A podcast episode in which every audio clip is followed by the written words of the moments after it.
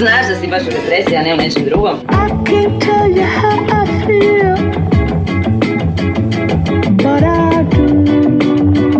Depresija, osnovni simptomi. Osjećaj beznadnosti, osjećaj krivnje, gubitak samopouzdanja.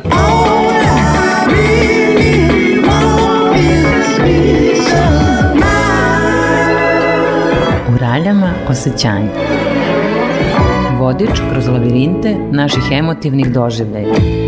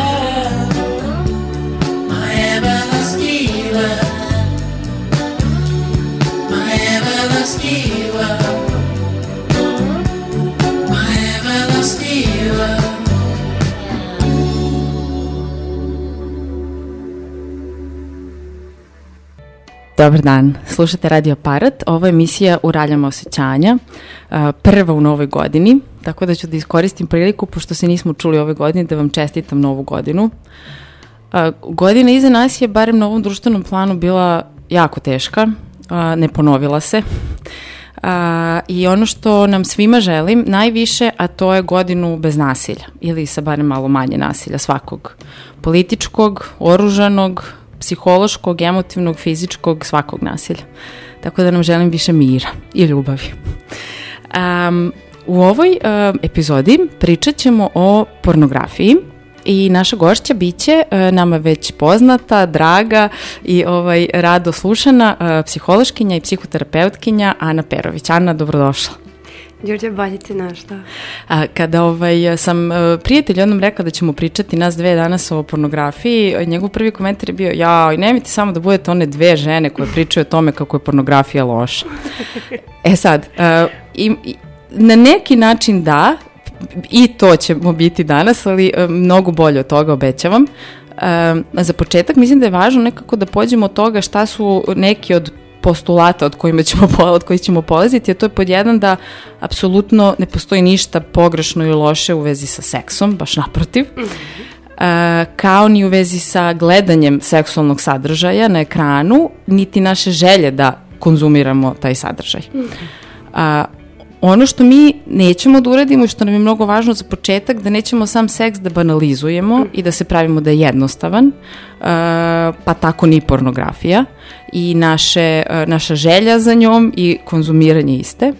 E, I sam seks je nekako u idealnim slučajevima tu pritom mislim na pristanak i, i emotivnu bezbednost oboje, to je svih uključenih u, u seksualni čin, to može stvarno da bude mesto igre, rasplamsavanja fantazija i, i mesto radosti, jel? Ali svi znamo da nije uvek samo tako ili nije barem samo tako.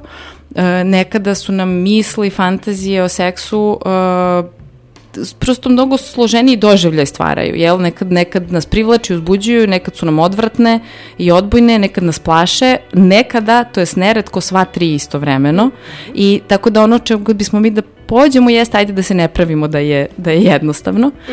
A, a zašto mislimo da je važno da pričamo o pornografiji? A, ako ni zbog čega drugog, a, veliki broj svetske populacije je konzument pornografskog sadržaja i veliki broj mladih. Šta god da je to, mislim da je vrlo važno da reflektujemo i pričamo javno o tome šta je to što mi svi toliko gledamo. E, I šta je u stvari, šta zapravo sve jeste pornografija, šta ona za nas može da znači, e, šta, kakve efekte može da ima ako smo u nju odrastali, ako smo iz pornografije učili nešto o seksu, o sebi, o seksualnosti, o, o rodnim ulogama u partnerskim odnosima, na primjer, i nekako kako se to reflektuje i na, i na, i na diskurs ovaj, društveni. Preširok uvod. ovaj, da, I preširoka Važan- tema. važan uvod, važan uvod. I preširoka tema, tako da svakako ovo zahteva jedan serijal uh, uh, u raljama, ne samo jednu epizodu, ali evo Ana ja ćemo danas barem od nečega da počnemo. Uh, da, nisam rekla šta smo slušali, slušali smo Do I Make You Feel Shy od Konana uh, Mokasina, nadam se da sam dobro izgovorila. Um, Ana, uh, ja bih da počnemo od toga uh, i da, e, kada sam isto, pošto sam onako radila malo kvali istraživanje u svom, u svom okruženju na ovu temu, jedna od stvari koju mi je prijateljica rekla, ali dobro, mislim da zanemarujemo, kaže ona, um, vrednost pornografije kao edukacije seksualne, kada nijedne druge nije bilo. Um, I jedna od stvari o kojima smo ti ja pričale, o kojima ćemo pričati danas, jeste baš to da pornografija jeste izvor edukacije o seksu, ali e, ono što je naša teza vrlo pogrešne ovaj, edukacije o seksu. E, i, i ovaj, ajde nekako to bi bilo moje prvo pitanje za tebe, šta sve možemo da naučimo o seksu, o seksualnosti, e, ako nam je to glavni ili jedini izvor? E, hvala ti na e, izboru teme. Ja odavno nisam slušala zapravo podcast emisiju na, na ovu temu, možda, možda i nikad u životu, ali e, nekoliko emisija svakako ja sam poslušala, na našim prostorima ne. Mislim, Imamo gosta. Mislim da se gost slaže. Ove, a, Oprosti, možeš samo malčice da. Da. digneš mikrofon, bit će tebi lakše, a da se ti ne... E, tako, Može, super, može. odlično. O, super. Ove, e, imam e, utisak da zapravo kada pričamo, znaš, o, o pornografiji, e, kako bi tvoj, e, kako nam je tvoj drugar sugerisao, e, nipošto, nipošto mi nije ideja, niti verujem da je nama ideja, da budemo nešto za ili protiv, to bi bilo previše redukcionističko gledanje na jednu vrlo kompleksnu temu. E, ono što svakako e, od čega vredi da počnemo jeste da različiti e, prikazi e, seksualnog čina kroz e, istoriju prosto e, prate našu civilizaciju, to nije nimalo novo. E, nimalo nije novo da to radimo u svrhe e, zabave, zadovoljstva, nimalo nije pogrešno da to radimo u svrhe zabave i zadovoljstva. Nedavno sam bila u Barceloni u jednom, e, u jednom e, muzeju koji se zove Muzej etike i u tom muzeju smo e, drugarica i ja gledale različite stvarno zanimljive istorijske prikaze um, prosto različitih aspekata seksualnog iskustva, civilizacijski i kulturološki kroz istoriju do danas. E, mislim da nam je to jedna e, divna karakteristika koju imamo kao civilizacija, ne mislim da ima isto pogrešno u tome. Međutim, ono što nam se dešava danas u digitalnom dobu i u ovom kapitalizmu, da te pozdravim, jeste da zapravo su nekako donali u naše živote e, prikaze koji su nekako diktirane od strane jedne ozbiljne industrije koja se vodi strategijama povećanja profita, onih koji stoje iza produkcije tih sadržaja. Ta industrija ne brine baš puno o tome da li su prikazi seksa koje nam prodaje uopšte realistični, edukativni, da li nam pomažu da imamo bolji seksualni život, da li nam pomaže da razumemo svoju ili tuđu seksualnost bolje, niti se uopšte bavi bazičnim pitanjima naše psihološke i emotivne bezbednosti u, u seksualnom kontaktu. E, ta industrija se bavi profitom onih koji taj sadržaj produkuju. E, takođe, treba spomenuti, ne bavi se puno ni reproduktivnim zdravljem, e, niti edukacijom e, u, smer, u, u, u domenu reproduktivnog zdravlja, niti pak reproduktivnim zdravljem ni, ni ovaj, e, glumaca u samoj industriji. Tako da malo je reći da je jedna onako prilično surova industrija u pitanju jako često. Međutim, zahvaljujući dostupnosti ovih sadržaja, mislim da mi danas možemo da govorimo o, o porno industriji kao jednom diskursu o seksualnosti, rodnim ulogama, o našim identitetima i o jednoj, zapravo jednom diskursu koji uh, na izvestan način, mislim, ulazi u naše najintimnije prostore i često, često mnogo pre nego što smo ih mi sami kao mlade osobe, uh, nekad kao deca, nekad kao tinejdžeri uopšte uh, svesni pre nego što smo te prostore istražili. Uh, nedavno sam na jednoj seansi rekla kako mi se čini da je zapravo uh, ta oblast seksualnosti tema koja je toliko uh, zasićena značenjima, možda naročito za žene, da se zapravo povremeno stvarno treba prisjetiti da je to pre svega jedan naš lični, intimni prostor, psihološki, telesni, relacioni, e, koji mi e, imamo pravo da istražujemo na načine na koje želimo sa poštovanjem nas i druge ili drugih osoba koje u tome učestvuju, uređujemo ga, e, nadgrađujemo, širimo i radimo sa njim šta god da nekako e, e, počiva na bezbednosti, konsenzusu i poštovanju. I, i mislim da je možda mislim da je možda jedna od najvećih ovde zamki da zapravo pornografiju shvatimo kao neki referentni okvir za to kako naše iskustva treba da izgledaju, kako mi treba da izgledamo u, seksu i sa svim tim, znaš, nekako, sa svom tom vizualnom stimulacijom koja govori o tome kako treba da izgleda, a zapravo malo ili ništa ne govori o tome kakav suštinski naš doživlje i kvalitet iskustva u tome treba da bude.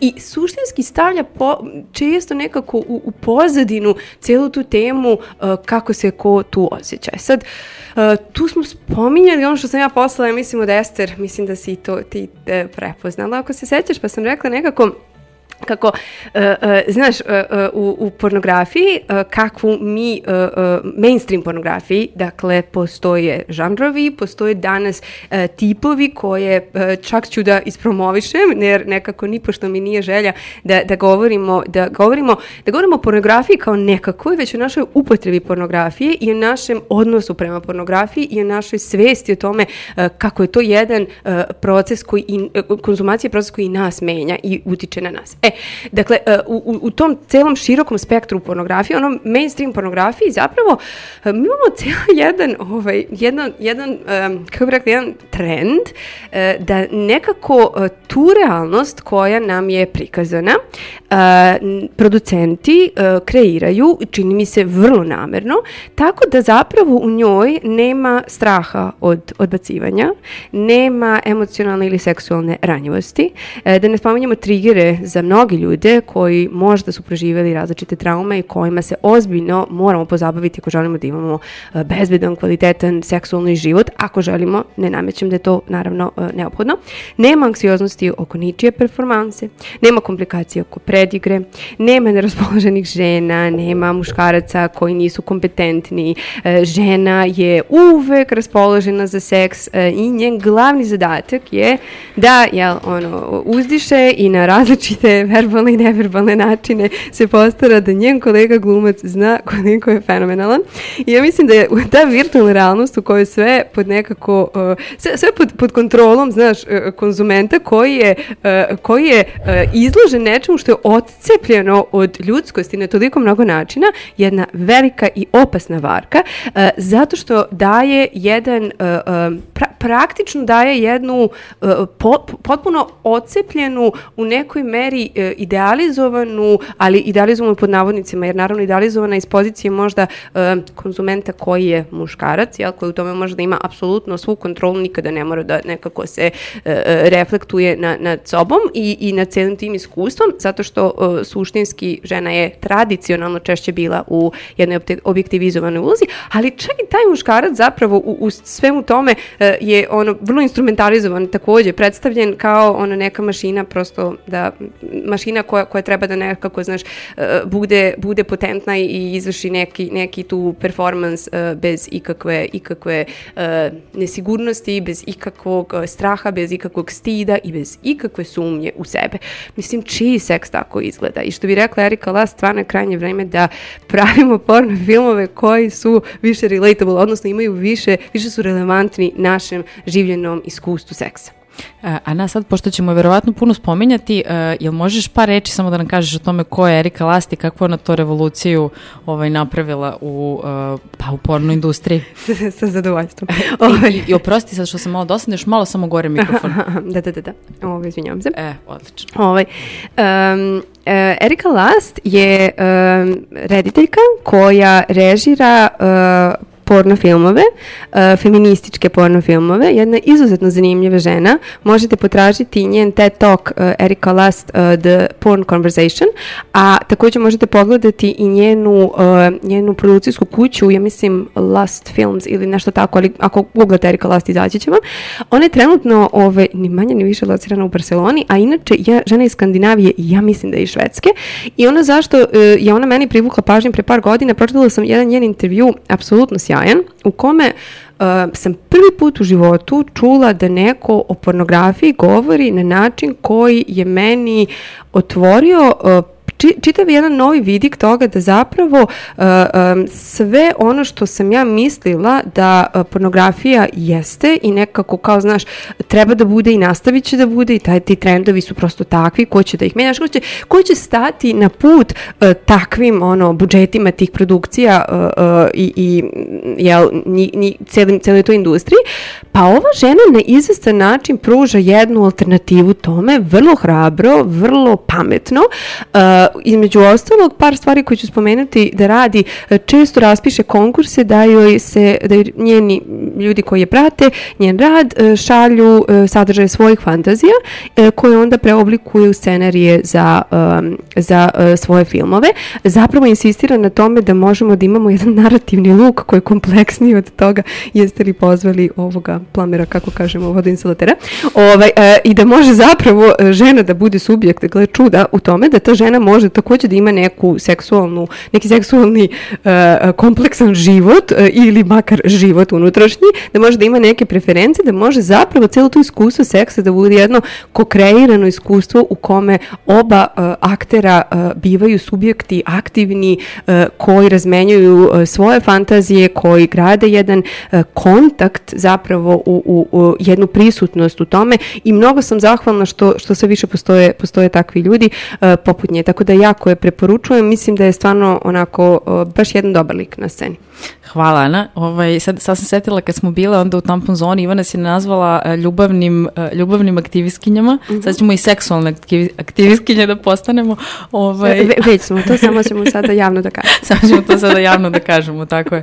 E, mnogo super je ovo, ono što može da zvuči potpuno pogrešno kada pričamo o, o Eriki Last i njenim filmovima, posebno kad nas spomenemo da su feministički, e, jeste da su oni politički korektni, e, što u, u smislu, jel, nekako da e, ni Erika nije blesava i jasno je i njoj e, da svet fantazmatskog nema veze sa onim što je u, u, Tako u nije ovaj, politički korektan nije svet. politički korektan svet, tako je. I ono što je zapravo vrlo jasno i vrlo kratko objašnjava, ono što ona rekla, uh, sex can stay dirty, Mhm. but values must be clean.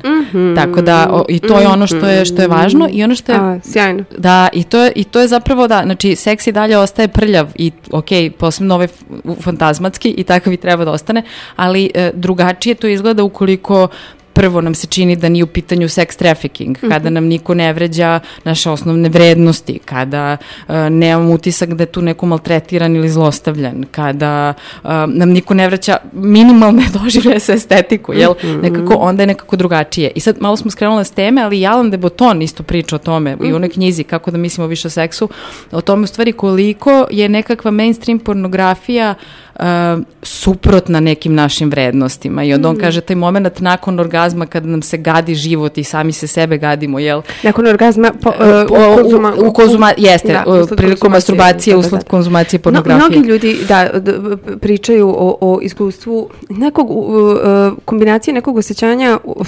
otuđenosti od sebe i od celog tog čina i ne, nekom iskustvu gađanja, čak i krivice nekada, kako kad, ali redko ko e, mi je e, e, izveštavao čak i u, i u terapijskoj praksi i ovako razgovorima o tome da ima e, zapravo neko jako prijatno, zadovoljavajuće psihološki iskustvo nakon konzumacije pornografije, što ja mislim da također ima veze i sa našim navikama uh, ko- kojima ćemo pričati malo kasnije, odnosno uh, uh, čemu nam služi konzumacija pornografije i kakvu po- pornografiju konzumiramo. Tako je, i malo pre kad sam rekla skrenula teme, mislila sam samo skrenula sa teme prvog pitanja, ali inače vrlo smo, vrlo smo ostale u temi.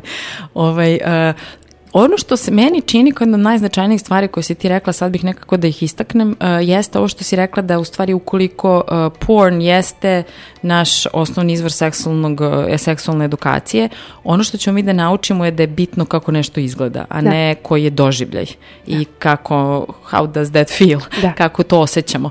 Uh, I mislim da je to jedno od najvećih, hajde da kažemo, um, nešto što nam stvarno pornografija oduzme i što je jedno od najvećih greota, jeli? I, I u tom smislu... I, izvini, da li ti u redu, izvini, molim što sam te prekinula, da li ti u redu da kažemo ovako, sve vreme nekako i ja razmišljam kako da ne zvučimo kao pornografija je ono, nam je oduzela, je loša, a mi smo neki pasivni posmetrači, ali ima nešto što, što, je, što je na tragu toga i mnogo je, mnogo je važno to što si rekla. E, mislim da nam pornografija e, nudi e, jedan oblik e, e, podražaja koji e, zapravo u nama izazovu fiziološku reakciju pobuđenja, jel, seksualnog, i mi često, budući da to koliko nam je tabuizirana tema seksa, koliko nemamo kvalitetno seksualno obrazovanje ili ako ga imamo, često govorimo zapravo o tome koliko je seks opasan, od čega treba da se čuvamo i kako da ne zatrudnimo. A zapravo onda se mladi ljudi okreću e, ovom e, prostoru u kome doživljavaju neku vrstu pobuđenosti, jel? I nekako e, po- po- počinje, da, e, počinje da im deluje da je zapravo to to, znaš, nekako ovaj vizualni stimulus, o tome ćemo malo kasnije pričati, i ova, ova pobuđenost, to je to, to je ono što, što zapravo moja seksualna želja jeste i treba da bude. E, ja bih e, rekla, da sad ne stvarim ono kao sve na pornografiji, stvarno sistemski nam nedostaje razgovora o ovome, sistemski nedostaje podrške možda roditeljima kako da, i nastavnicima, jel? kako da vode razgovore o ovome sa, sa, sa mladima i onda ostaje stvarno jedna, jedna velika neistražena teritorija a, da, i zapravo jedna velika tema u pop senci, a kako ja treba da se osjećam, kako želim da se osjećam, kako je to iskustvo koje ja tražim, kakav je to kontakt sa mnom ili sa jel, drugom osobom ili drugim osobama koji će, nakon koga ću ja reći kako je ovo bilo jedno lepo i prijedno i dobro iskustvo za mene. E, izvini, ne znam da li sam sad... Ne, ne, ne, da. to uh, apsolutno se slažem i, i super što si, što si dopunila na taj način. Uh, ono što na tragu ovoga što smo, što smo pričale, uh, šta uh, to, šta može da nam oduzme, između ostalog da nam oduzme i priliku za naše fantazmatsko, pre nego što nam ga nametne. I ono što je meni tu bilo zanimljivo, ovaj, uh, što bi volila sad da te, pričam, da te pitam da ispričaš, o, baš ono što si ti našla u istraživanju vezano baš za Mhm. neuralne puteve i šta se dešava tu, tako da ajde da krenemo odatle. Pa, a, a, čitala sam različite istraživanja o našim ajmo reći, efektima jel, konzumiranja porno- pornografije. I e, mislim da si ti bila e, e, također prva spomenula e, e, autorku Emelina Goski koja priča o jednoj jako zanimljivoj temi a, o tome suštinski da je izuzetno važno da imamo na umu da na određen način naša e, psihološki doživljena seksualna želja e, i naša fiziološka seksualna pobuđenost e, mogu da budu, kako bi ona rekla, nekongruentni, odnosno na izvestan način e, odcepljeni jedni od drugog i, ne moraju da idu zajedno jedno s drugim. E sad, gde tu nastaje zapravo zamka i neka od istraživanja, referencu mogu da pronađem, nisam dobra u, u pamćenju autora, a, zapravo o, o koja, koja imamo o, o, beleže e, da suštinski nama a, ukoliko smo konzumenti pornografije koji su navikli da vizualni podražaj određenog tipa e, vezujemo za fiziološku pobuđenost, mi suštinski učimo da je taj vizualni po- podražaj e, ono što treba da tražimo i u sopstvenom življenom iskustvu sa drugom osobom, e, bilo da je taj vizualni podražaj e, znači određeni oblik tela, određena slika, određena scena, određeni, određena facijalna ekspresija, znači idemo prosto u različite stvarno detalje, učimo da je to ono što treba da tragamo da bi zapravo naš seks bio dobar. E, učimo to i na bilo kom e, spektru smo, znači e, rodnog identiteta e, i, i e, bilo, kog, bilo kog opredeljenja da smo, mi učimo da su to oni elementi za kojima tragamo ili koje pak treba da oponašamo. E, kako bismo zapravo doživjeli e, e, uzbuđenje koje će voditi nekom zadovoljavajućem iskustvu. To je jako opasna teritorija jer suštinski prvo, ajde i osnovno što nekako stvarno imam utisak naš invazivno je na jedno, jedno polje naše, na, naše, naše psihološki, psihološke želje. Mi, mi zapravo ne stignemo da istražimo, već imamo gomilu stimulusa jel, koji, koji kažu ovako to treba da izgleda, ovako treba da se ponašaš, ovako treba, znaš, ovo je ta poza, ovo je taj, taj, ovo je ta, ta, taj zvuk koji treba da praviš, mislim, ono, u, u krajnjoj liniji.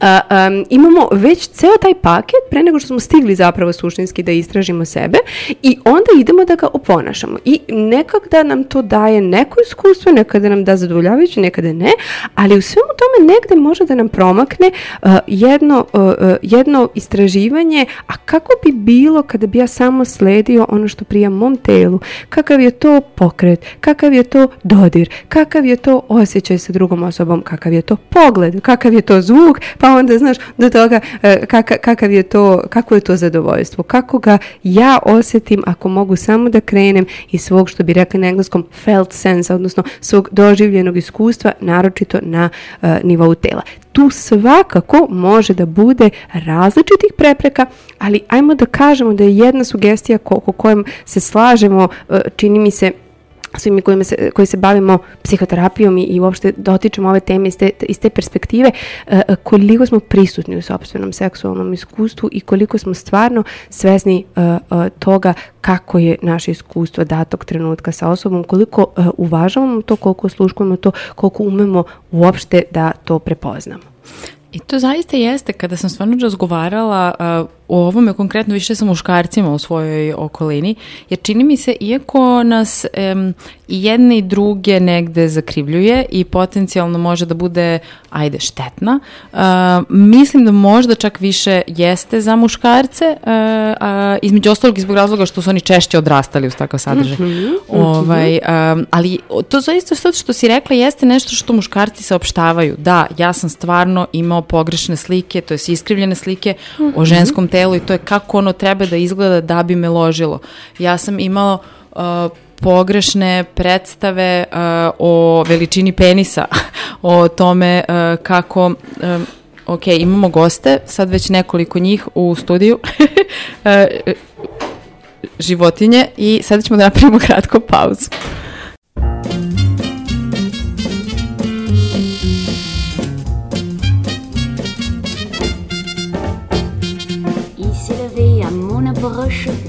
Il était plus petit. Je me suis dit c'est dans la poche, ce mignon-là, c'est pour mon lit. Il m'arrivait jusqu'à l'épaule, mais il était râpé comme tout. Il m'a suivi jusqu'à ma piole, et j'ai crié, vas-y mon loup, fais-moi mal, Johnny, Johnny, Johnny, envoie-moi au ciel, Bouh fais-moi mal, Johnny, Johnny, Johnny, moi j'aime l'amour qui fait boum. Il va lui faire mal. Il va lui faire mal. Il n'avait plus que ses chaussettes, des belles jaunes et bérets bleus. Il m'a regardé d'un l'air bête. Il comprenait rien, le malheureux. Et il m'a dit l'air désolé. Ben moi je ferais pas de mal à une mouche. Il m'énervait, je l'ai giflé. Et je graissais d'un air farouche. Fais-moi mal, Johnny, Johnny, Johnny. Je suis pas une mouche. Bzzz. Fais-moi mal, Johnny, Johnny, Johnny. Moi j'aime l'amour qui fait boum. Vas-y, je fais-lui mal. Vas-y, fais-lui mal. Vas-y, fais-lui mal. Vas-y, fais-lui mal. Voyons qu'il ne s'excitait guère, je l'ai insulté sauvagement. Je lui ai donné tous les noms de la terre et d'autres encore, bien moins courants. Ça l'a réveillé aussi sec et il m'a dit Arrête ton char, tu me prends vraiment pour un pauvre mec. Je viens d'enfiler de la série noire. Ah, Tu me fais mal, Johnny, Johnny, Johnny. Pose avec les pieds. Oh, Oui. tu me fais mal, Johnny, Johnny, Johnny. J'aime pas l'amour qui lui a fait mal. Il lui a fait mal. Il lui a fait mal. Il a remis sa petite chemise, son petit complet, ses petits souliers. Et il a descendu l'escalier en me laissant une épaule démise. Pour les voyous de cette espèce, c'est bien la peine de faire des frais. Maintenant j'ai des bleus plein les fesses et plus jamais je ne dirai Fais-moi mal, Johnny, Johnny, Johnny, envoie-moi aussi à l'amour. Fais-moi mal, Johnny, Johnny, Johnny, moi j'aime l'amour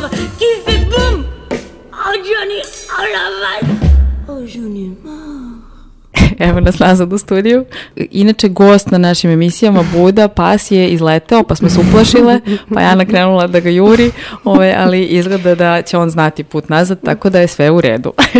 Ja mislim da, znaš, ne znam šta da se dešava u životu ako vidim životinju u onu potencijalnoj opasnosti, to je to prekida se svaki, svaki drugi kontakt. Ove, izvinjavam se. Ništa, Ana je inače mrtva bolesna, jedno došla da priča, ali zato bez jakne izletela na ulicu po budu. Ovaj, tako da, evo, za vas koji ste se sad uključili, uh, slušate Radio Aparat, emisiju Raljam osjećanja, a danas Ana i ja pričamo o pornografiji.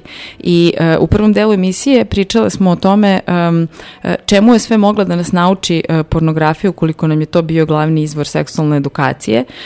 Pričali smo o tome kako možemo da skliznemo u to da seksualno uzbuđenje, seksualni doživljaj svedemo na vizualno, a nekako ocepimo to kako se u tome osjećamo i to videle kao jednu, ajde da kažemo, ozbiljnu prijetnju, uh, uh, uh, efekat uh, konzumacije pornografije dominantno i to na, i na ovaj način. I ono što ovaj, meni, meni jeste zanimljivo ne samo nekako da nam oblikujem fantazmatsko, nego nekako i, i, i niko nam ne kaže da zapravo fantazije i realan seks ne moraju da budu isto. A, i, I da i ono što si ti već spomenula, da stvarno nekako a, idemo u realnom životu tražeći ono što smo videli na, a, a, u- o- na filmu i, i zapravo ono što smo osetili gledajući taj isti film. I, I spomenula si meni jako zanimljivu um, ideju koja dolazi od Emily Negoski, barem meni poznato da dolazite kod nje, ta priča o nekongruentnosti fiziološkog uzbuđenja i psihološkog uzbuđenja. To i ono što ona kaže, um, fiziološko uzbuđenje nije pristanak i ne mora da bude odlika želje, kao ni obrnuto, nekad možemo da imamo želju da nema Tako je. fiziološke reakcije koje to prati. I da taj nekako način, ukoliko smo kao klinci, jel nekako na taj način doživljavali i uzbuđenje i e, vrhunac seksualni, da mi nekako mislimo da je to ono što nas zapravo loži, a nismo možda ni istražili da vidimo šta je nešto što... Tako je. Zašto, mi, zašto bi u stvari, odakle bi naše psihološko uzbuđenje Tako je. došlo? I, I ono što meni isto zanimljivo, a mislim da ne treba da ignorišemo taj deo i to ono što Erika isto priča o tome da pornografija je diskurs. a, a to je, Ana, šta smo još, osim toga kako seks treba da izgleda, mogli da naučimo iz pornografije kada pričamo o nekakvim e, e, rodnim ulogama, rodnom aspektu identiteta, pa i, i, i, i, i, rod, i nekoj dinamici um, um, e, između muškaraca i žena u partnerskim odnosima koja bi mogla da se sugeriše iz pornografije. Um, sad mi je palo na pamet još jedna referenca pa ću je spomenuti uh, uh, i odgovorit ću naravno na, na tvoje super pitanje. Uh, palo mi je na pamet kad smo pričali o tome koliko, i to, to nekako se svi slažemo i kaže i ova rediteljka Erika Last koju smo spomenju, spomenjale, uh, da zapravo pornografija nekako nastanjuje taj neki naš uh, uh, svet uh, seksualne imaginacije, naših fantazija, taj jedan vrlo lični, intimni pr- prostor koji nam nekada ostaje, ne, ostane suštinski neistražen. A, Pa hajde da se nadovežem na to i da kažem uh, jedna još referenca zanimljiva na tu temu može da vam bude Brad Carr i knjiga Seksi psiha uh, koji je radio jedno veliko i opsežno istraživanje seksualnih fantazija uh, na uzorku stanovnika Velike Britanije i koji zapravo suštinski možda kaže takođe jednu stvar koju treba spomenuti.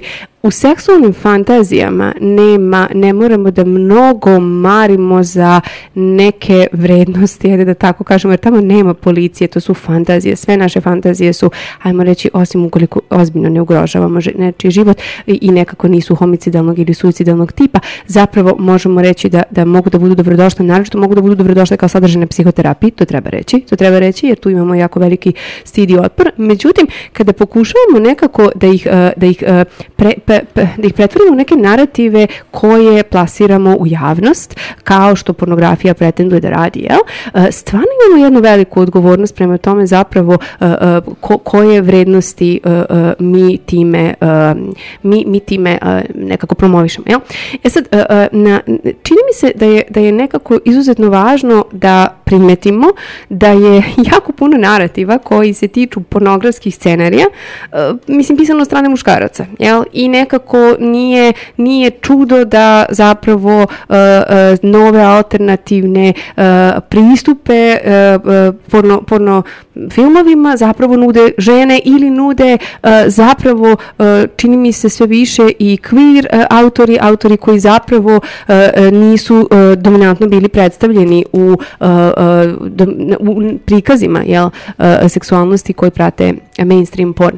E sad, e, ono što mi se čini da je važno spomenuti, budući da imamo nasleđe patrijarhata u svemu pa i u pornografiji, mi moramo da, da nekako imamo na umu, čini mi se da uh, uh, fair je reći, uh, žena u uh, seksualnom činu uh, tipičnog porno filma je jedna submisivna, uh, um, objektivizovana, ponekad dehumanizovana, ponekad maltretirana, ponekad manje ili više maltretirana osoba koja zapravo uh, ima zadatak da uh, u glumi da u tome uživa, ali glumi da u tome uživa sa jednom funkcijom da zapravo sve vreme se njen e, glumac, e, ako govorimo o jednom, ali ajmo reći, govorit ćemo sad o najbazičnijem ono muško-žensko ovaj, e, e, muško-žensko dinamici, da se taj njen kolega glumac osjeća kako je on zapravo super sve odradio i tačno radi ono što njoj treba,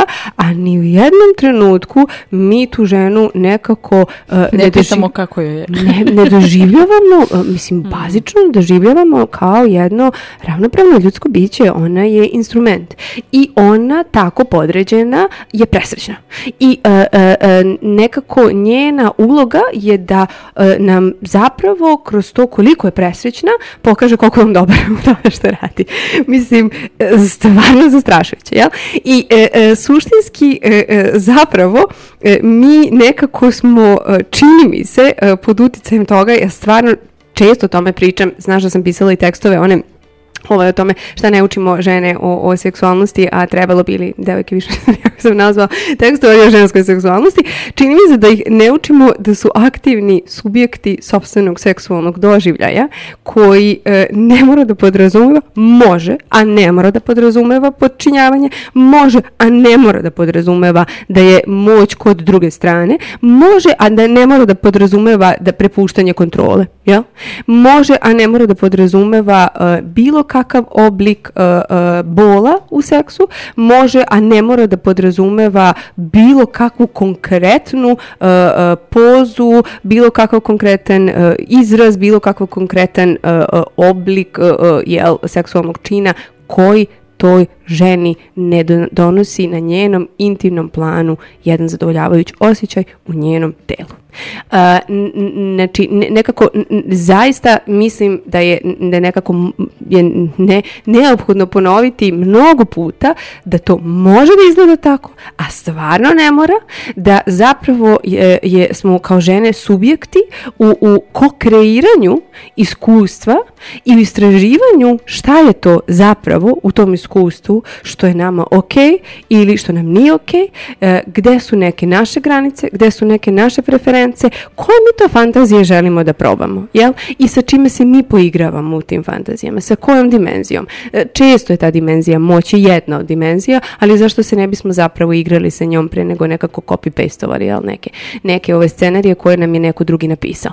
E, e, ja imam utisak da je to jedna velika stvar, ali s druge strane ću podjednako, imam puno saosećanja za e, e, muškarce, sada govorimo jel, nekako o, o ženama i muškarcima, a apsolutno imam puno saosećanja i za sve e, queer osobe koje nisu dovoljno reprezentovane, apsolutno ili su reprezentovane takođe na različite problematične načine u mainstream pornografiji, ali ajde da se zadržim za trenutak, e, e, spomenut ću, imam jako puno empatije za muškarce, e, e, zato što je, mislim, kao što e, ne, ne, patrijarhat ne služi danas više nikome, tako ne služi ni e, patrijarhalna pornografija.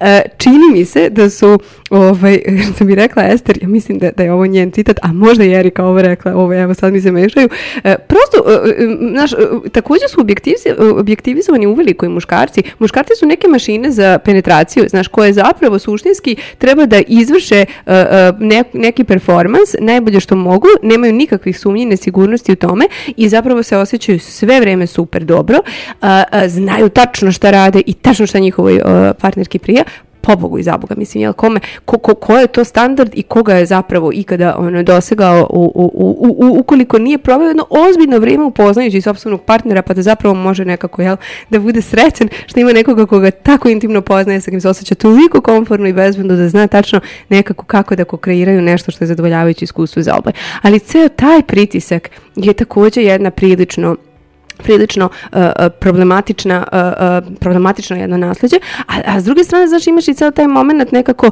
da, da postoje uh, i, uh, postoje takođe uh, propisani načini na koje uh, muškarac treba da uživa u seksu i onda imaš ceo jedan te, celu jednu temu neistraženih fantazija za koje mnogi, mnogi muškarci nekako doživljavaju kao homoerotične, a suštinski ne moraju da budu, mogu da budu samo jedno polje istraživanja u razli, ne, po različitim ono, dimenzijama od moći, kontrole, prepuštanja, imanja i tako dalje i tako dalje. E, Zato što je seks zapravo jedna suštinski kokreirana razmena i, i može da bude jako zaigrana u kojoj može da ima i e, e, prepuštanja moći i kontrole koliko može da ima i uživanje u tome da je zapravo i kontrola baš kod nas u nekom trenutku. I to nije nešto što je rodno predodređeno, jel? Mislim, kad već pričamo o tome da to nije tako u drugim sferama života, zašto, zašto, ovaj, zašto to, to radimo u seksu? I baš iz ovog što si rekla, ja mislim da ako bismo rekli stvarno šta je jedno od, od, od, od naj, ajde da kažemo možda najgorih efekata uh, uh, pornografije uh, uh, na stranu, jel, promovisanje nekako stvarno uh, kršenja osnovnih ljudskih prava, ali ovaj, baš to što sam seks banalizuje, a nas i naš doživljaj i našu seksualnost vodi na naše genitalije i na penetraciju. I ako ništa drugo, to je onako baš, uh, uh, uh, baš je osiromašenje. baš je osiromašenje svega što bi seks uh, i seksualnost mogla da budu. Tako je. I, znaš, onda, I to, onda i to n- mislim, i na muškarci i na žene podjednako. Tako je, tako je. Uh, I na, na osobe uh, koje su non-binary, jel, koje, su, koje su nebinarne, tako. Tako. da ne, ne, za bilo koga zapravo, suštinski, ko, ko želi da bude aktivan u svom seksualnom životu na bilo koji način. A, a s druge strane, uh, takođe mi nekako, uh, kako mi nekako prolazi kroz glavu koliko je to, uh, koliko, da, koliko nam to ne pomaže da suštinski imamo bolji seks koliko nam uh, takve, takvi prikazi ne pomažu da zapravo kada se ja sretnem sa jednom drugom, uh, drugom ili drugim osobama u, ovaj, uh, u jednom živom kontaktu, uh, da zapravo znam kako da tražim nešto što meni prija, kako da pitam šta drugoj osobi prija, uh, kako da uh, istražujem, kako, da, kako se uopšte o tome komunicira. Uh, znaš, seks je neverbalna aktivnost, jel? Dominantno. Između ostalog.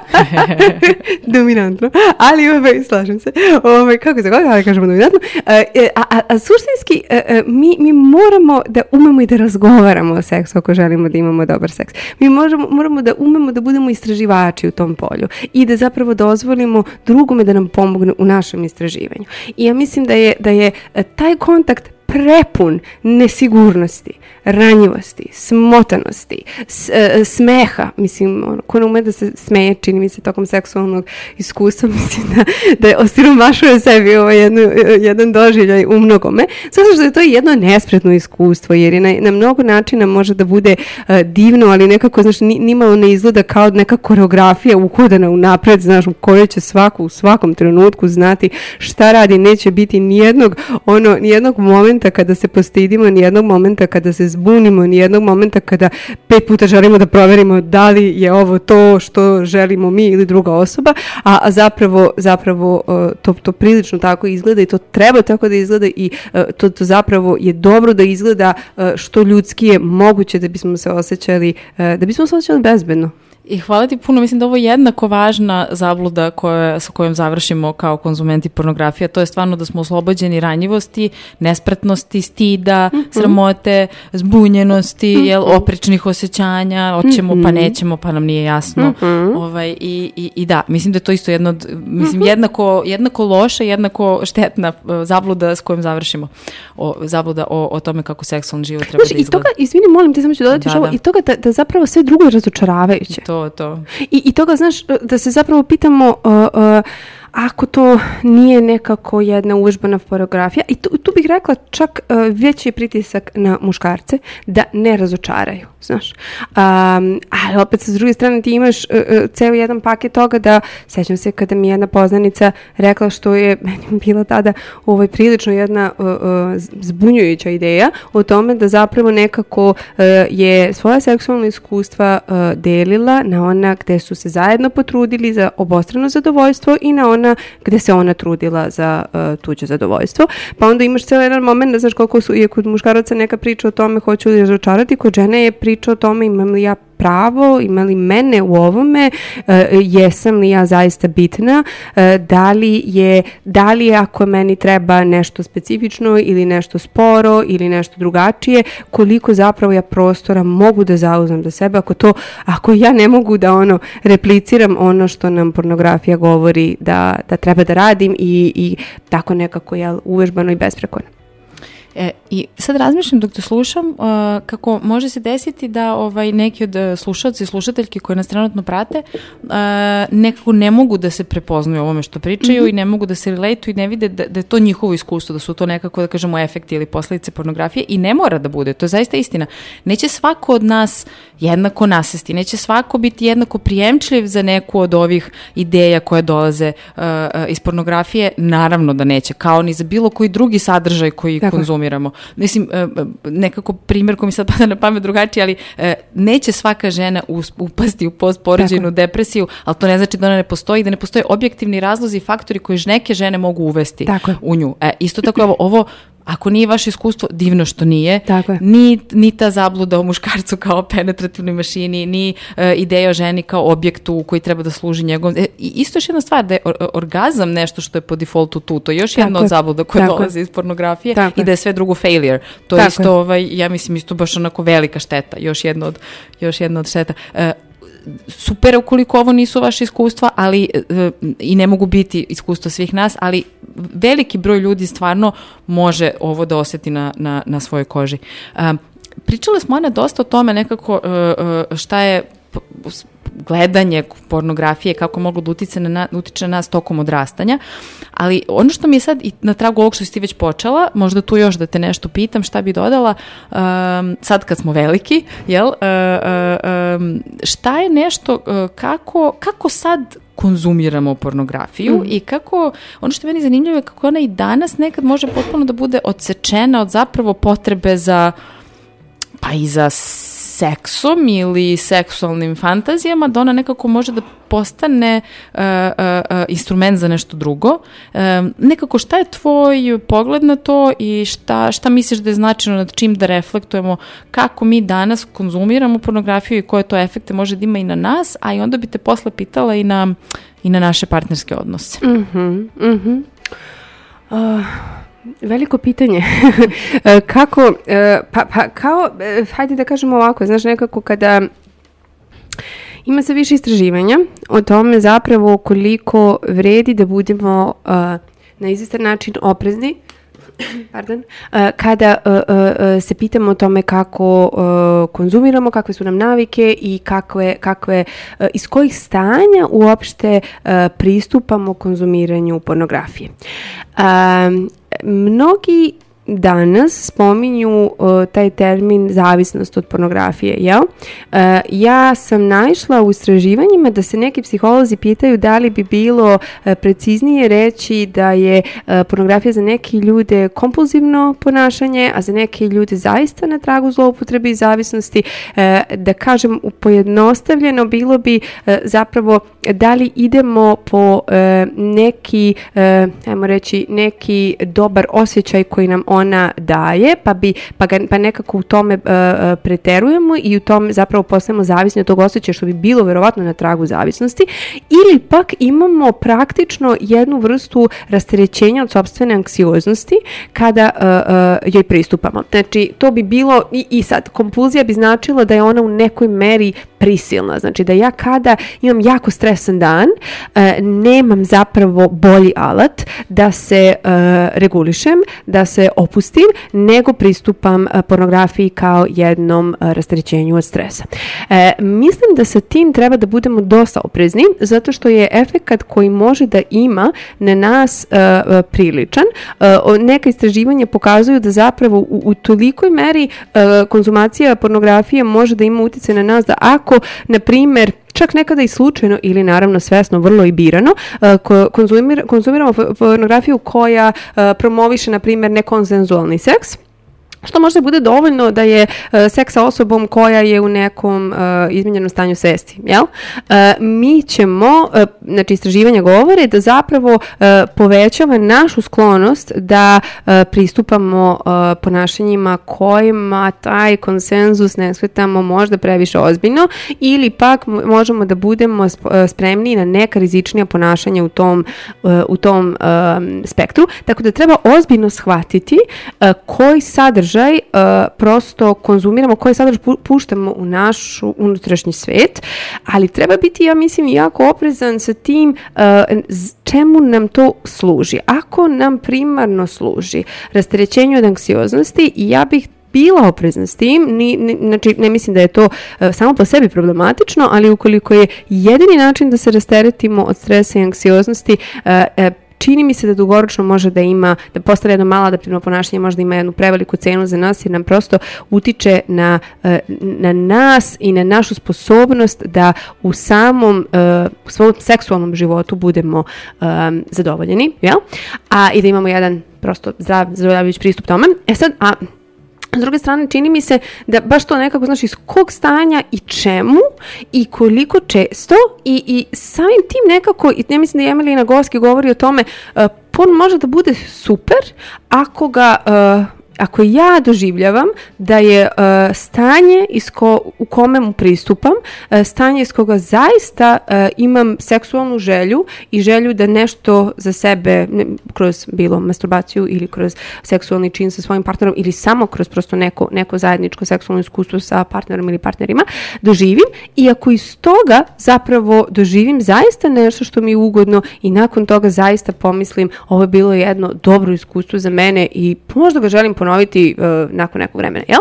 Ali ako uh, uh, s druge strane počnemo da primećujemo da uh, na bilo kom planu uh, plaćamo ili potencijalno plaćamo neku cenu našim navikama u konzumiranju porna, ja mislim da s tim stvarno treba da budemo dosta, dosta oprezni, jer uh, prosto uh, uh, ima nekako, čini mi se, potencijal da menja način na koji doživljavamo e, i kontakt sa sobom i kontakt sa drugima. E, seks je relaciono iskustvo. A, pornografija e, nije relaciono iskustvo, osim, i to, tome ćemo ostaviti prostora malo, osim ako ga zaista nekako radimo u, u, u, kontekstu e, odnosa sa nekim, e, e, nije samo po sebi ako radimo sami relaciono iskustvo, e, to je iskustvo koje e, zapravo može da nam ili pomogne da budemo više nekako, da nam pomogne da širimo svoj kapacitet za seks kao relaciono iskustvo ili pak da nam stvori pa pa čak i nekada ozbiljne probleme sa mentalnim zdravljem, zato što e, suštinski e, može da produbljuje osjećaj usamljenosti, može da produbljuje e, stepen agresije, može da produbljuje, e, može kod određenih ljudi da, e, to takođe sam pročitala u istraživanjima, e, prosto povećava stepen em, nasilnosti prema um, istraživanje konkretno govorilo o tome da može da poveća stepen nasilnog ponašanja prema ženama. Uh, ako je seks koji, ako je pornografija koja, uh, koju konzumiramo predstavlja uh, agresivan, uh, agresivnost u seksu. Jel? Tako da stvarno uh, uh, može da bude jedan zanimljiv resurs i ja bih dodala tu i sigurno sam da ćemo dotaći kako i u odnosu može da nam bude resurs, ali čini mi se da treba da budemo dosta oprezni uh, kao i sa svakim drugim sadržajima, samo što je ovo jedan sadržaj koji uplivava u jedan dosta intiman, često neistražen, često onako jednim stidom i krivicom prepokriven prostor u nama i zato treba da budemo oprezni da li zaista biramo nešto što nam povećava kvalitet našeg seksa. E, I sad ovo što si rekla stvarno e, me je baš zabrinulo. Jeste nešto što bi moglo pretpostaviti da stvarno konzumacija takvog sadržaja može da povećava našu sklonost ka takvom ponašanju kao i bilo kog drugog sadržaja. Ali sad razmišljamo o tome to istraživanje. Ono je moralo biti rađeno na osnovu nekakvih iskaza, što znači da je sigurno situacija u populaciji daleko gora, jer su i ti iskazi već cenzurisani. Tako da e, to onda stvarno jeste Imam što referencu. kažete, što kažete, što Da, kažeš, ovaj, stvarno nažalost. treba po tim, da budemo ovaj, zaista da to shvatimo ozbiljno. A, a, da nekako samo još jedna, da kažemo, još jedan disclaimer, ne postoji ništa loše u vezi sa tim da imamo želju da gledamo pornografiju kakvu god, nije ovu koja je mainstream, niti da to zaista radimo. I nekada, nekada nam to treba, jel? Nekada ne postoji partner, nekada, jel, hoćemo da probudimo taj seksualni deo sebe i nekako pornografija je najkraći, najdostupniji i vrlo lak nekako način da to uradimo. Ne postoji apsolutno ništa loše u vezi sa tim. Uh, ono što jeste bila naša ideja jeste da samo budemo budni na tim kako se osjećamo. Kako se osjećamo, uh, ukoliko to radimo često, da li to ima nekakve efekte na nas kojima mi nismo zadovoljni, s kojima mi nismo srećni, a ne zato što, ne znam, Ester, Erika, Ana ili Đurđa misle da je to pogrešno, već samo nekako da to jeste kao i mnogi druge stvari u životu, pa isto tako i, i, i konzumacija pornografije je nešto što radimo, a ne pitamo se kako smo. Tako, je. da ako a, a, jedino što bismo hteli sada jeste samo da vas ostavimo s tim da se možda više pitate i pitamo kako smo a, a, ako konzumiramo a, a, pornografiju. A, Sada pravimo muzičku pauzu, uh, a posle toga pričamo o tome, još malo o tome može li uh, pornografija da nam pomogne za naš seksualni život s partnerom uh, i da li možda može da odmogne i kakve možda probleme može da napravi. Slušamo Pale Saints, Kinky Love.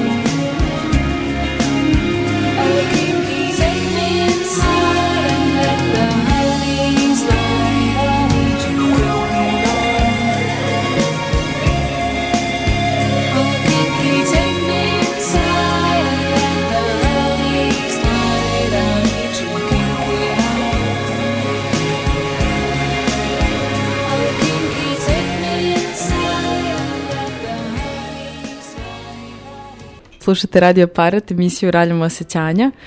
Pričamo o pornografiji uh, i završavamo uh, emisiju segmentom o tome uh, može li uh, gledanje pornografije da nam pomogne u našem seksualnom životu s našim partnerom ili možda preodmogne uh, i kakve to probleme može možda eventualno da napravi i kako možda možemo da ih rešimo. Tako da, Ana, eto to, to za kraj.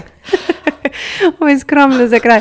Ovaj, pročitala sam pre pripremajući se za ovu emisiju kako je neki psihoanalitičar rekao kako, uh, uh, zaboravila sam ime, kako pornografija zapravo um, služi tome da nam umanji anksioznost od, u kontaktu sa drugima.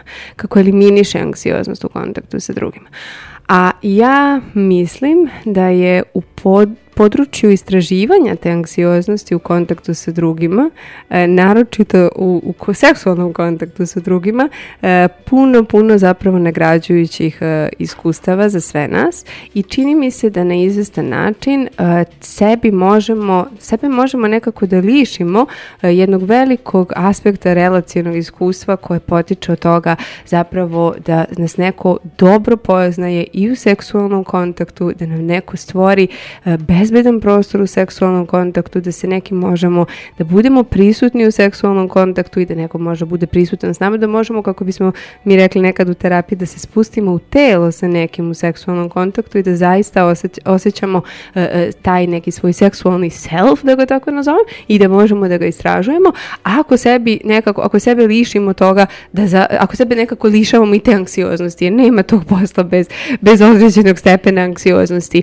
I čini mi se da često kada radim sa parovima, uh, uh, ceo, ceo, ceo jezik, uh, rečnik ono koji nam treba oko toga kako da pričam o tome šta mi prija, kako da kažem da nisam siguran ili sigurna šta mi prija, koliko je stida vezano za neke fantazije. Znaš, imamo mnoge ljude koji odcepljuju svoj seksualni self na dva dela, jedan koji zapravo dozvoljavaju da bude prisutan u njihovim odnosima, jedan koji je negde vrlo, vrlo uh, sakriven i sačuvan od, od uh, zapravo kontakta sa, sa drugima ili pa kontakta sa partnerom. Ja, ja bih rekla da svakako uz dobar izbor po- pornografskog sadržaja, kad kažem dobar, ponovit ću jer smo to spo- spomenuli na početku emisije, čini mi se sve više onaj, uh, uh, onaj uh, pornografski sadržaj koji zapravo nam promoviše intimnost, koji nam promoviše bliskost, koji nam promoviše poštovanje i zapravo koji nam promoviše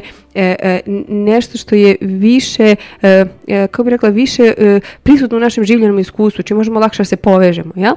E, uz takav pornografski sadržaj ja mislim da i tekako možemo da, da e, produbimo e, e, sopstvenu radoznalost i možemo da zapravo dobijemo jedno, jedan ono šlagvort za razgovore sa partnerom. Naravno, ne mislim da treba niti da je svakome ugodno da, da te razgovore vodi uz e, sadržaj koji je e, pornografskog e, tipa, ali ako, to, ako je to nešto što može da vas inspiriše, da progovorite o sobstvenim fantazijama, da prepoznate nešto što može da bude zapravo uh, polje istraživanja za vas, ako je to nešto što može vas malo oslobodi stida, jer ga je neko rekao pre vas, a, ili neko uradio pre vas, ili je neko pokazao pre vas, uh, uh, umesto vas, čak možda, ja stvarno mislim da to može da bude jedno divno i nagrađujuće iskustvo. I uh, mislim da je zapravo e, e, nekada jedan e, čin bliskosti, a po meni i ljubavi, e, dozvoliti zapravo partneru da nam pokaže uvid u, u nešto što njega ili nju e, na psihološkom planu uzbuđuje, da nam nešto kaže o tome i da na, na, izvestan način osjeća sigurnost da smo tu da bez osude, bez poniženja i bez kritike e, o tome slušamo da nas zaista zanima i da nam je stalo, da je to deo, e, deo e, e, nečije, nečijeg e, bića. E sad, e, e, kad sam ovo ovako sve romantično rekla, spomenut ću još jednu, ovaj, čini mi se baš važnu, važnu temu na ovom, na ovom planu. Sve ovo što sam ja govorila jeste, jel, kako može pornografija, a može i bez pornografije, jel? Može možda nekada da vam pomogne, opet kažem, zato što može da, da bude nešto što, što, što posluži da progovorimo ili da uh, nešto, na ne, neke eksperimente usudimo. Uh, sve to, to što govorim, zapravo govorim kako pornografija može da pomogne nekada uh, i uh, da, da uh, povećamo bliskost, da zapravo poboljšamo kontakt. Ali uh, takođe mi se čini da je jako važno da spomenemo da ponekad uh, bilo sami, bilo u paru, mi možemo uh, takođe pornografiju kao i bilo koji drugi sadržaj da koristimo i tako da se zapravo otuđimo od druge osobe. Uh, imamo često situacije e, da zapravo e, partneri nekad, e, i to, to je problem koji e, ponovit ću, čini mi se da kada se dešava, dešavaju ovakvi scenari, mislim nije u pornografiji problem, problem je negde u e, e, kontaktu sa sobom ili sa drugom osobom, ali da imamo te, te scenarije gde jedan od partnera čini mi se da to češće biva, biva muškarac, ali mislim može da bude bilo ko od partnera, uh, zapravo ima neku vrstu bega od odnosa u uh, uh, konzumiranje pornografije. Jel? I onda taj, taj beg može da bude u službi različitih psiholoških odbrana, može da bude odigravanje različitih procesa uh, izbjegavanja u- unutar te osobe, može da bude poreklom iz određenih uh, traumatskih iskustava, može da bude iz određene uh, diskonekcije u samom odnosu. Svakako da je sve to ljudski i u redu, ali mi se čini da vredi nekada da primetimo ako počinjemo da jedan deo sebe na taj način otuđujemo od svog partnera i da zapravo uh, uh, uh, time možda kako bih rekla, time možda uh, zapravo maskiramo tim ponašanjem neke uh, dublje teme koje ostaju neizgovorene. Uh, možemo da budemo ljuti na partnera i onda zapravo, naš, to se sigurno odražava na, na našu seksualnu bliskost i onda možemo da zapravo iz tog nerazrešenog konflikta bežimo u pornografiju, možemo da budemo, možemo da, da, da imamo nedostatak nekog bazičnog osjećaja sigurnosti da će nas partner razumeti ako progovorimo o, o bilo kojoj temi, pa onda se bežimo u ovaj, jel, u ovaj domen, može da zapravo bude samo nešto što radimo zato što smo tako navikli da sebi umanjujemo nivo stresa i samim tim ne umemo da partneru da kažemo, ja zapravo ne znam kako da se smirim i ovo je moj način da se smirim, jel? I e, šta god da je od toga, mislim da je normalno, mislim da nekako em, ja, ja lično ne doživljavam znaš, dešavalo mi se na primjer u terapiji da se tematizuje da li je izdaja poverenja ako neko konzumira pornografiju, a e, e, partner ili partnerka to otkrije, jel? Uh, imam, imam, imam jednu scena u, u sa onoj seriji Fleabag eh, kada ona ovaj, nije čak ni ne konzumira pornografiju nego se dešava u intimnom ovaj, prostoru sa njenim momkom ovaj, ona ima fantazije o Obami ja mislim i u nekom trenutku njen momak se osjeća najstrašnije izdat od strane nje jer pobogu i zaboga ono ovaj, kako možeš ovaj, kako možeš to da mi uradiš a, a ja bih rekla Da bude se vratio, to vam je Da. jasno. to nam je jasno Sad više ne brinemo gde je, ali brinemo šta nam govori. Mislim da, da zapravo ako nam tema toga da partner konzumira pornografiju pokreće osjećanje iznevrenog poverenja ili izdaje, to je po svemu sudeći nešto nad čim vredi malo zastati, zapitati se. Prvo i osnovno, ako nemamo drugih povoda da sumnjamo u iznevereno poverenje, jel? E, možemo da se zapitamo zašto baš ovaj, e, ova tema, zašto baš ovo konkretno ponašanje našeg partnera u nama pokreće određena osjećanja nesigurnosti, straha, izneverenosti, razočarenja i tako dalje i tako dalje. O čemu se tu radi?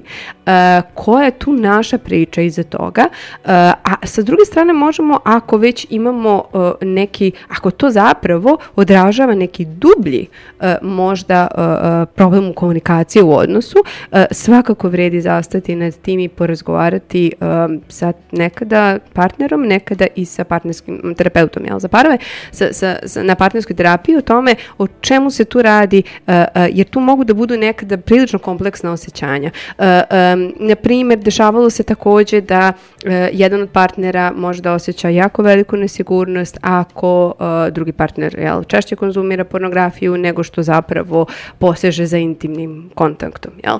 I tako dalje i tako dalje. Mislim da te teme stvarno, e, e, kako rekla, imaju značaja, ljudske su i da zapravo e, nekada mogu da budu jako dobar povod da porazgovaramo o tome. Primjera radi, umesto da e, izmišljam scenarij, umesto da zapravo e, osudimo partnera što e, ima određene e, navike koje e, nas čine anksioznim, e, možda možemo da kažemo nešto na tragu, e, zapravo bih baš volala da razumem ili voleo ili volela da razumem e, da li možemo nekako i mi da budemo bliski tako da zapravo e, e, i se ja osjećam manje ugroženo kada ti imaš neke svoje e, preference jer masturbacija je u redu bili u odnosu ili ne, ali ako e, pokreće neke teme neke teme u kojima se neko osjeća nesigurno ili nekako izdato, onda se po svemu sudeći radi o tome da zapravo imamo jedan e, ozbiljni razgovor možda na, na, na stolu o temi e, kako ja da se osjećam sigurnije e, i da znam da, u, da ovo što je neka tvoja navika ili neki tvoj način e, ne ugrožava o, vrednost onoga što mi imamo u našem zajedništvu.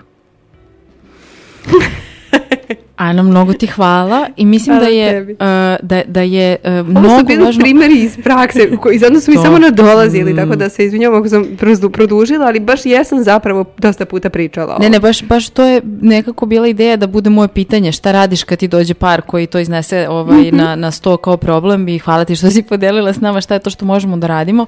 Sad sam razmišljala o tom i ovo što si rekao kako to čak i po- porn može da bude nekako prostor zajedničkog istraživanja Mhm. i Erika Las koju smo spominjali postoji aplikacija ovaj, e, e, Tako je. koja, da, koja e, između ostalog, tako je, koja između ostalog nudi mogućnost parovima, Mhm. kao što je na po principu dating aplikacija, gde swipujete levo i desno fantazije koje se sviđaju i ne sviđaju i da imate meč ukoliko vi Mhm. partner izaberete istu. Što nekim ljudima nije apsolutno problem da rade bez aplikacije, ali ukoliko ovaj, jeste izazovni, možda niste sami u kontaktu s tim, jel šta bi sve mogli biti vaše, e, šta bi mogli biti stimulusi, slike, ideje koje kod vas bude psihološko uzbuđenje, e, to bi moglo biti ovaj, super način.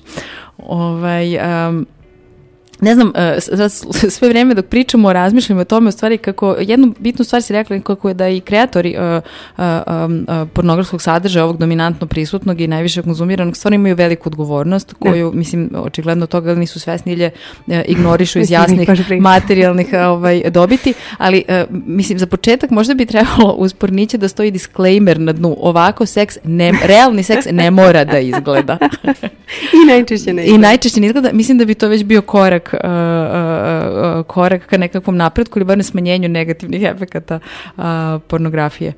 Um, Ana, mnogo ti hvala. Mnogo si, mnogo si važne uvide iznela i otvorila si nam mnogo važnih pitanja i mislim da smo, sad ću reći Aninu moje ime, biti jako srećne ukoliko ništa od ovoga niste shvatili kao poruku pornografije loše ili gledanje seksualnog sadržaja na ekranu um, jelo telefona, televizora, bilo čega je loše, već hajde da se pitamo kako smo dok to radimo i možda Š- Šta nam prija? šta nam prije i možda istražimo i nekakve alternative što u pornografiji, a što i alternative samoj konzumaciji pornografije.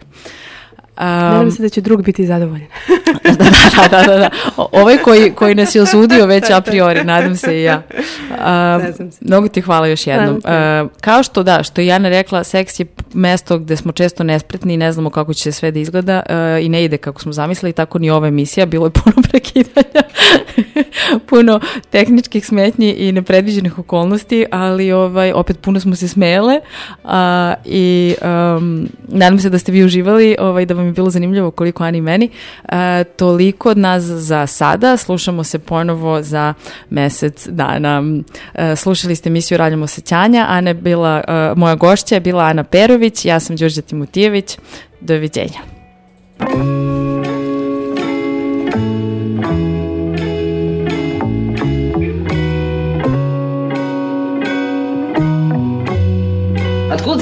Baš u depresiji, a ne u nečem drugom? I tell you how I feel. Depresija, osnovni simptomi. Osjećaj beznadnosti, osjećaj krivnje, gubitak samopouzdanja.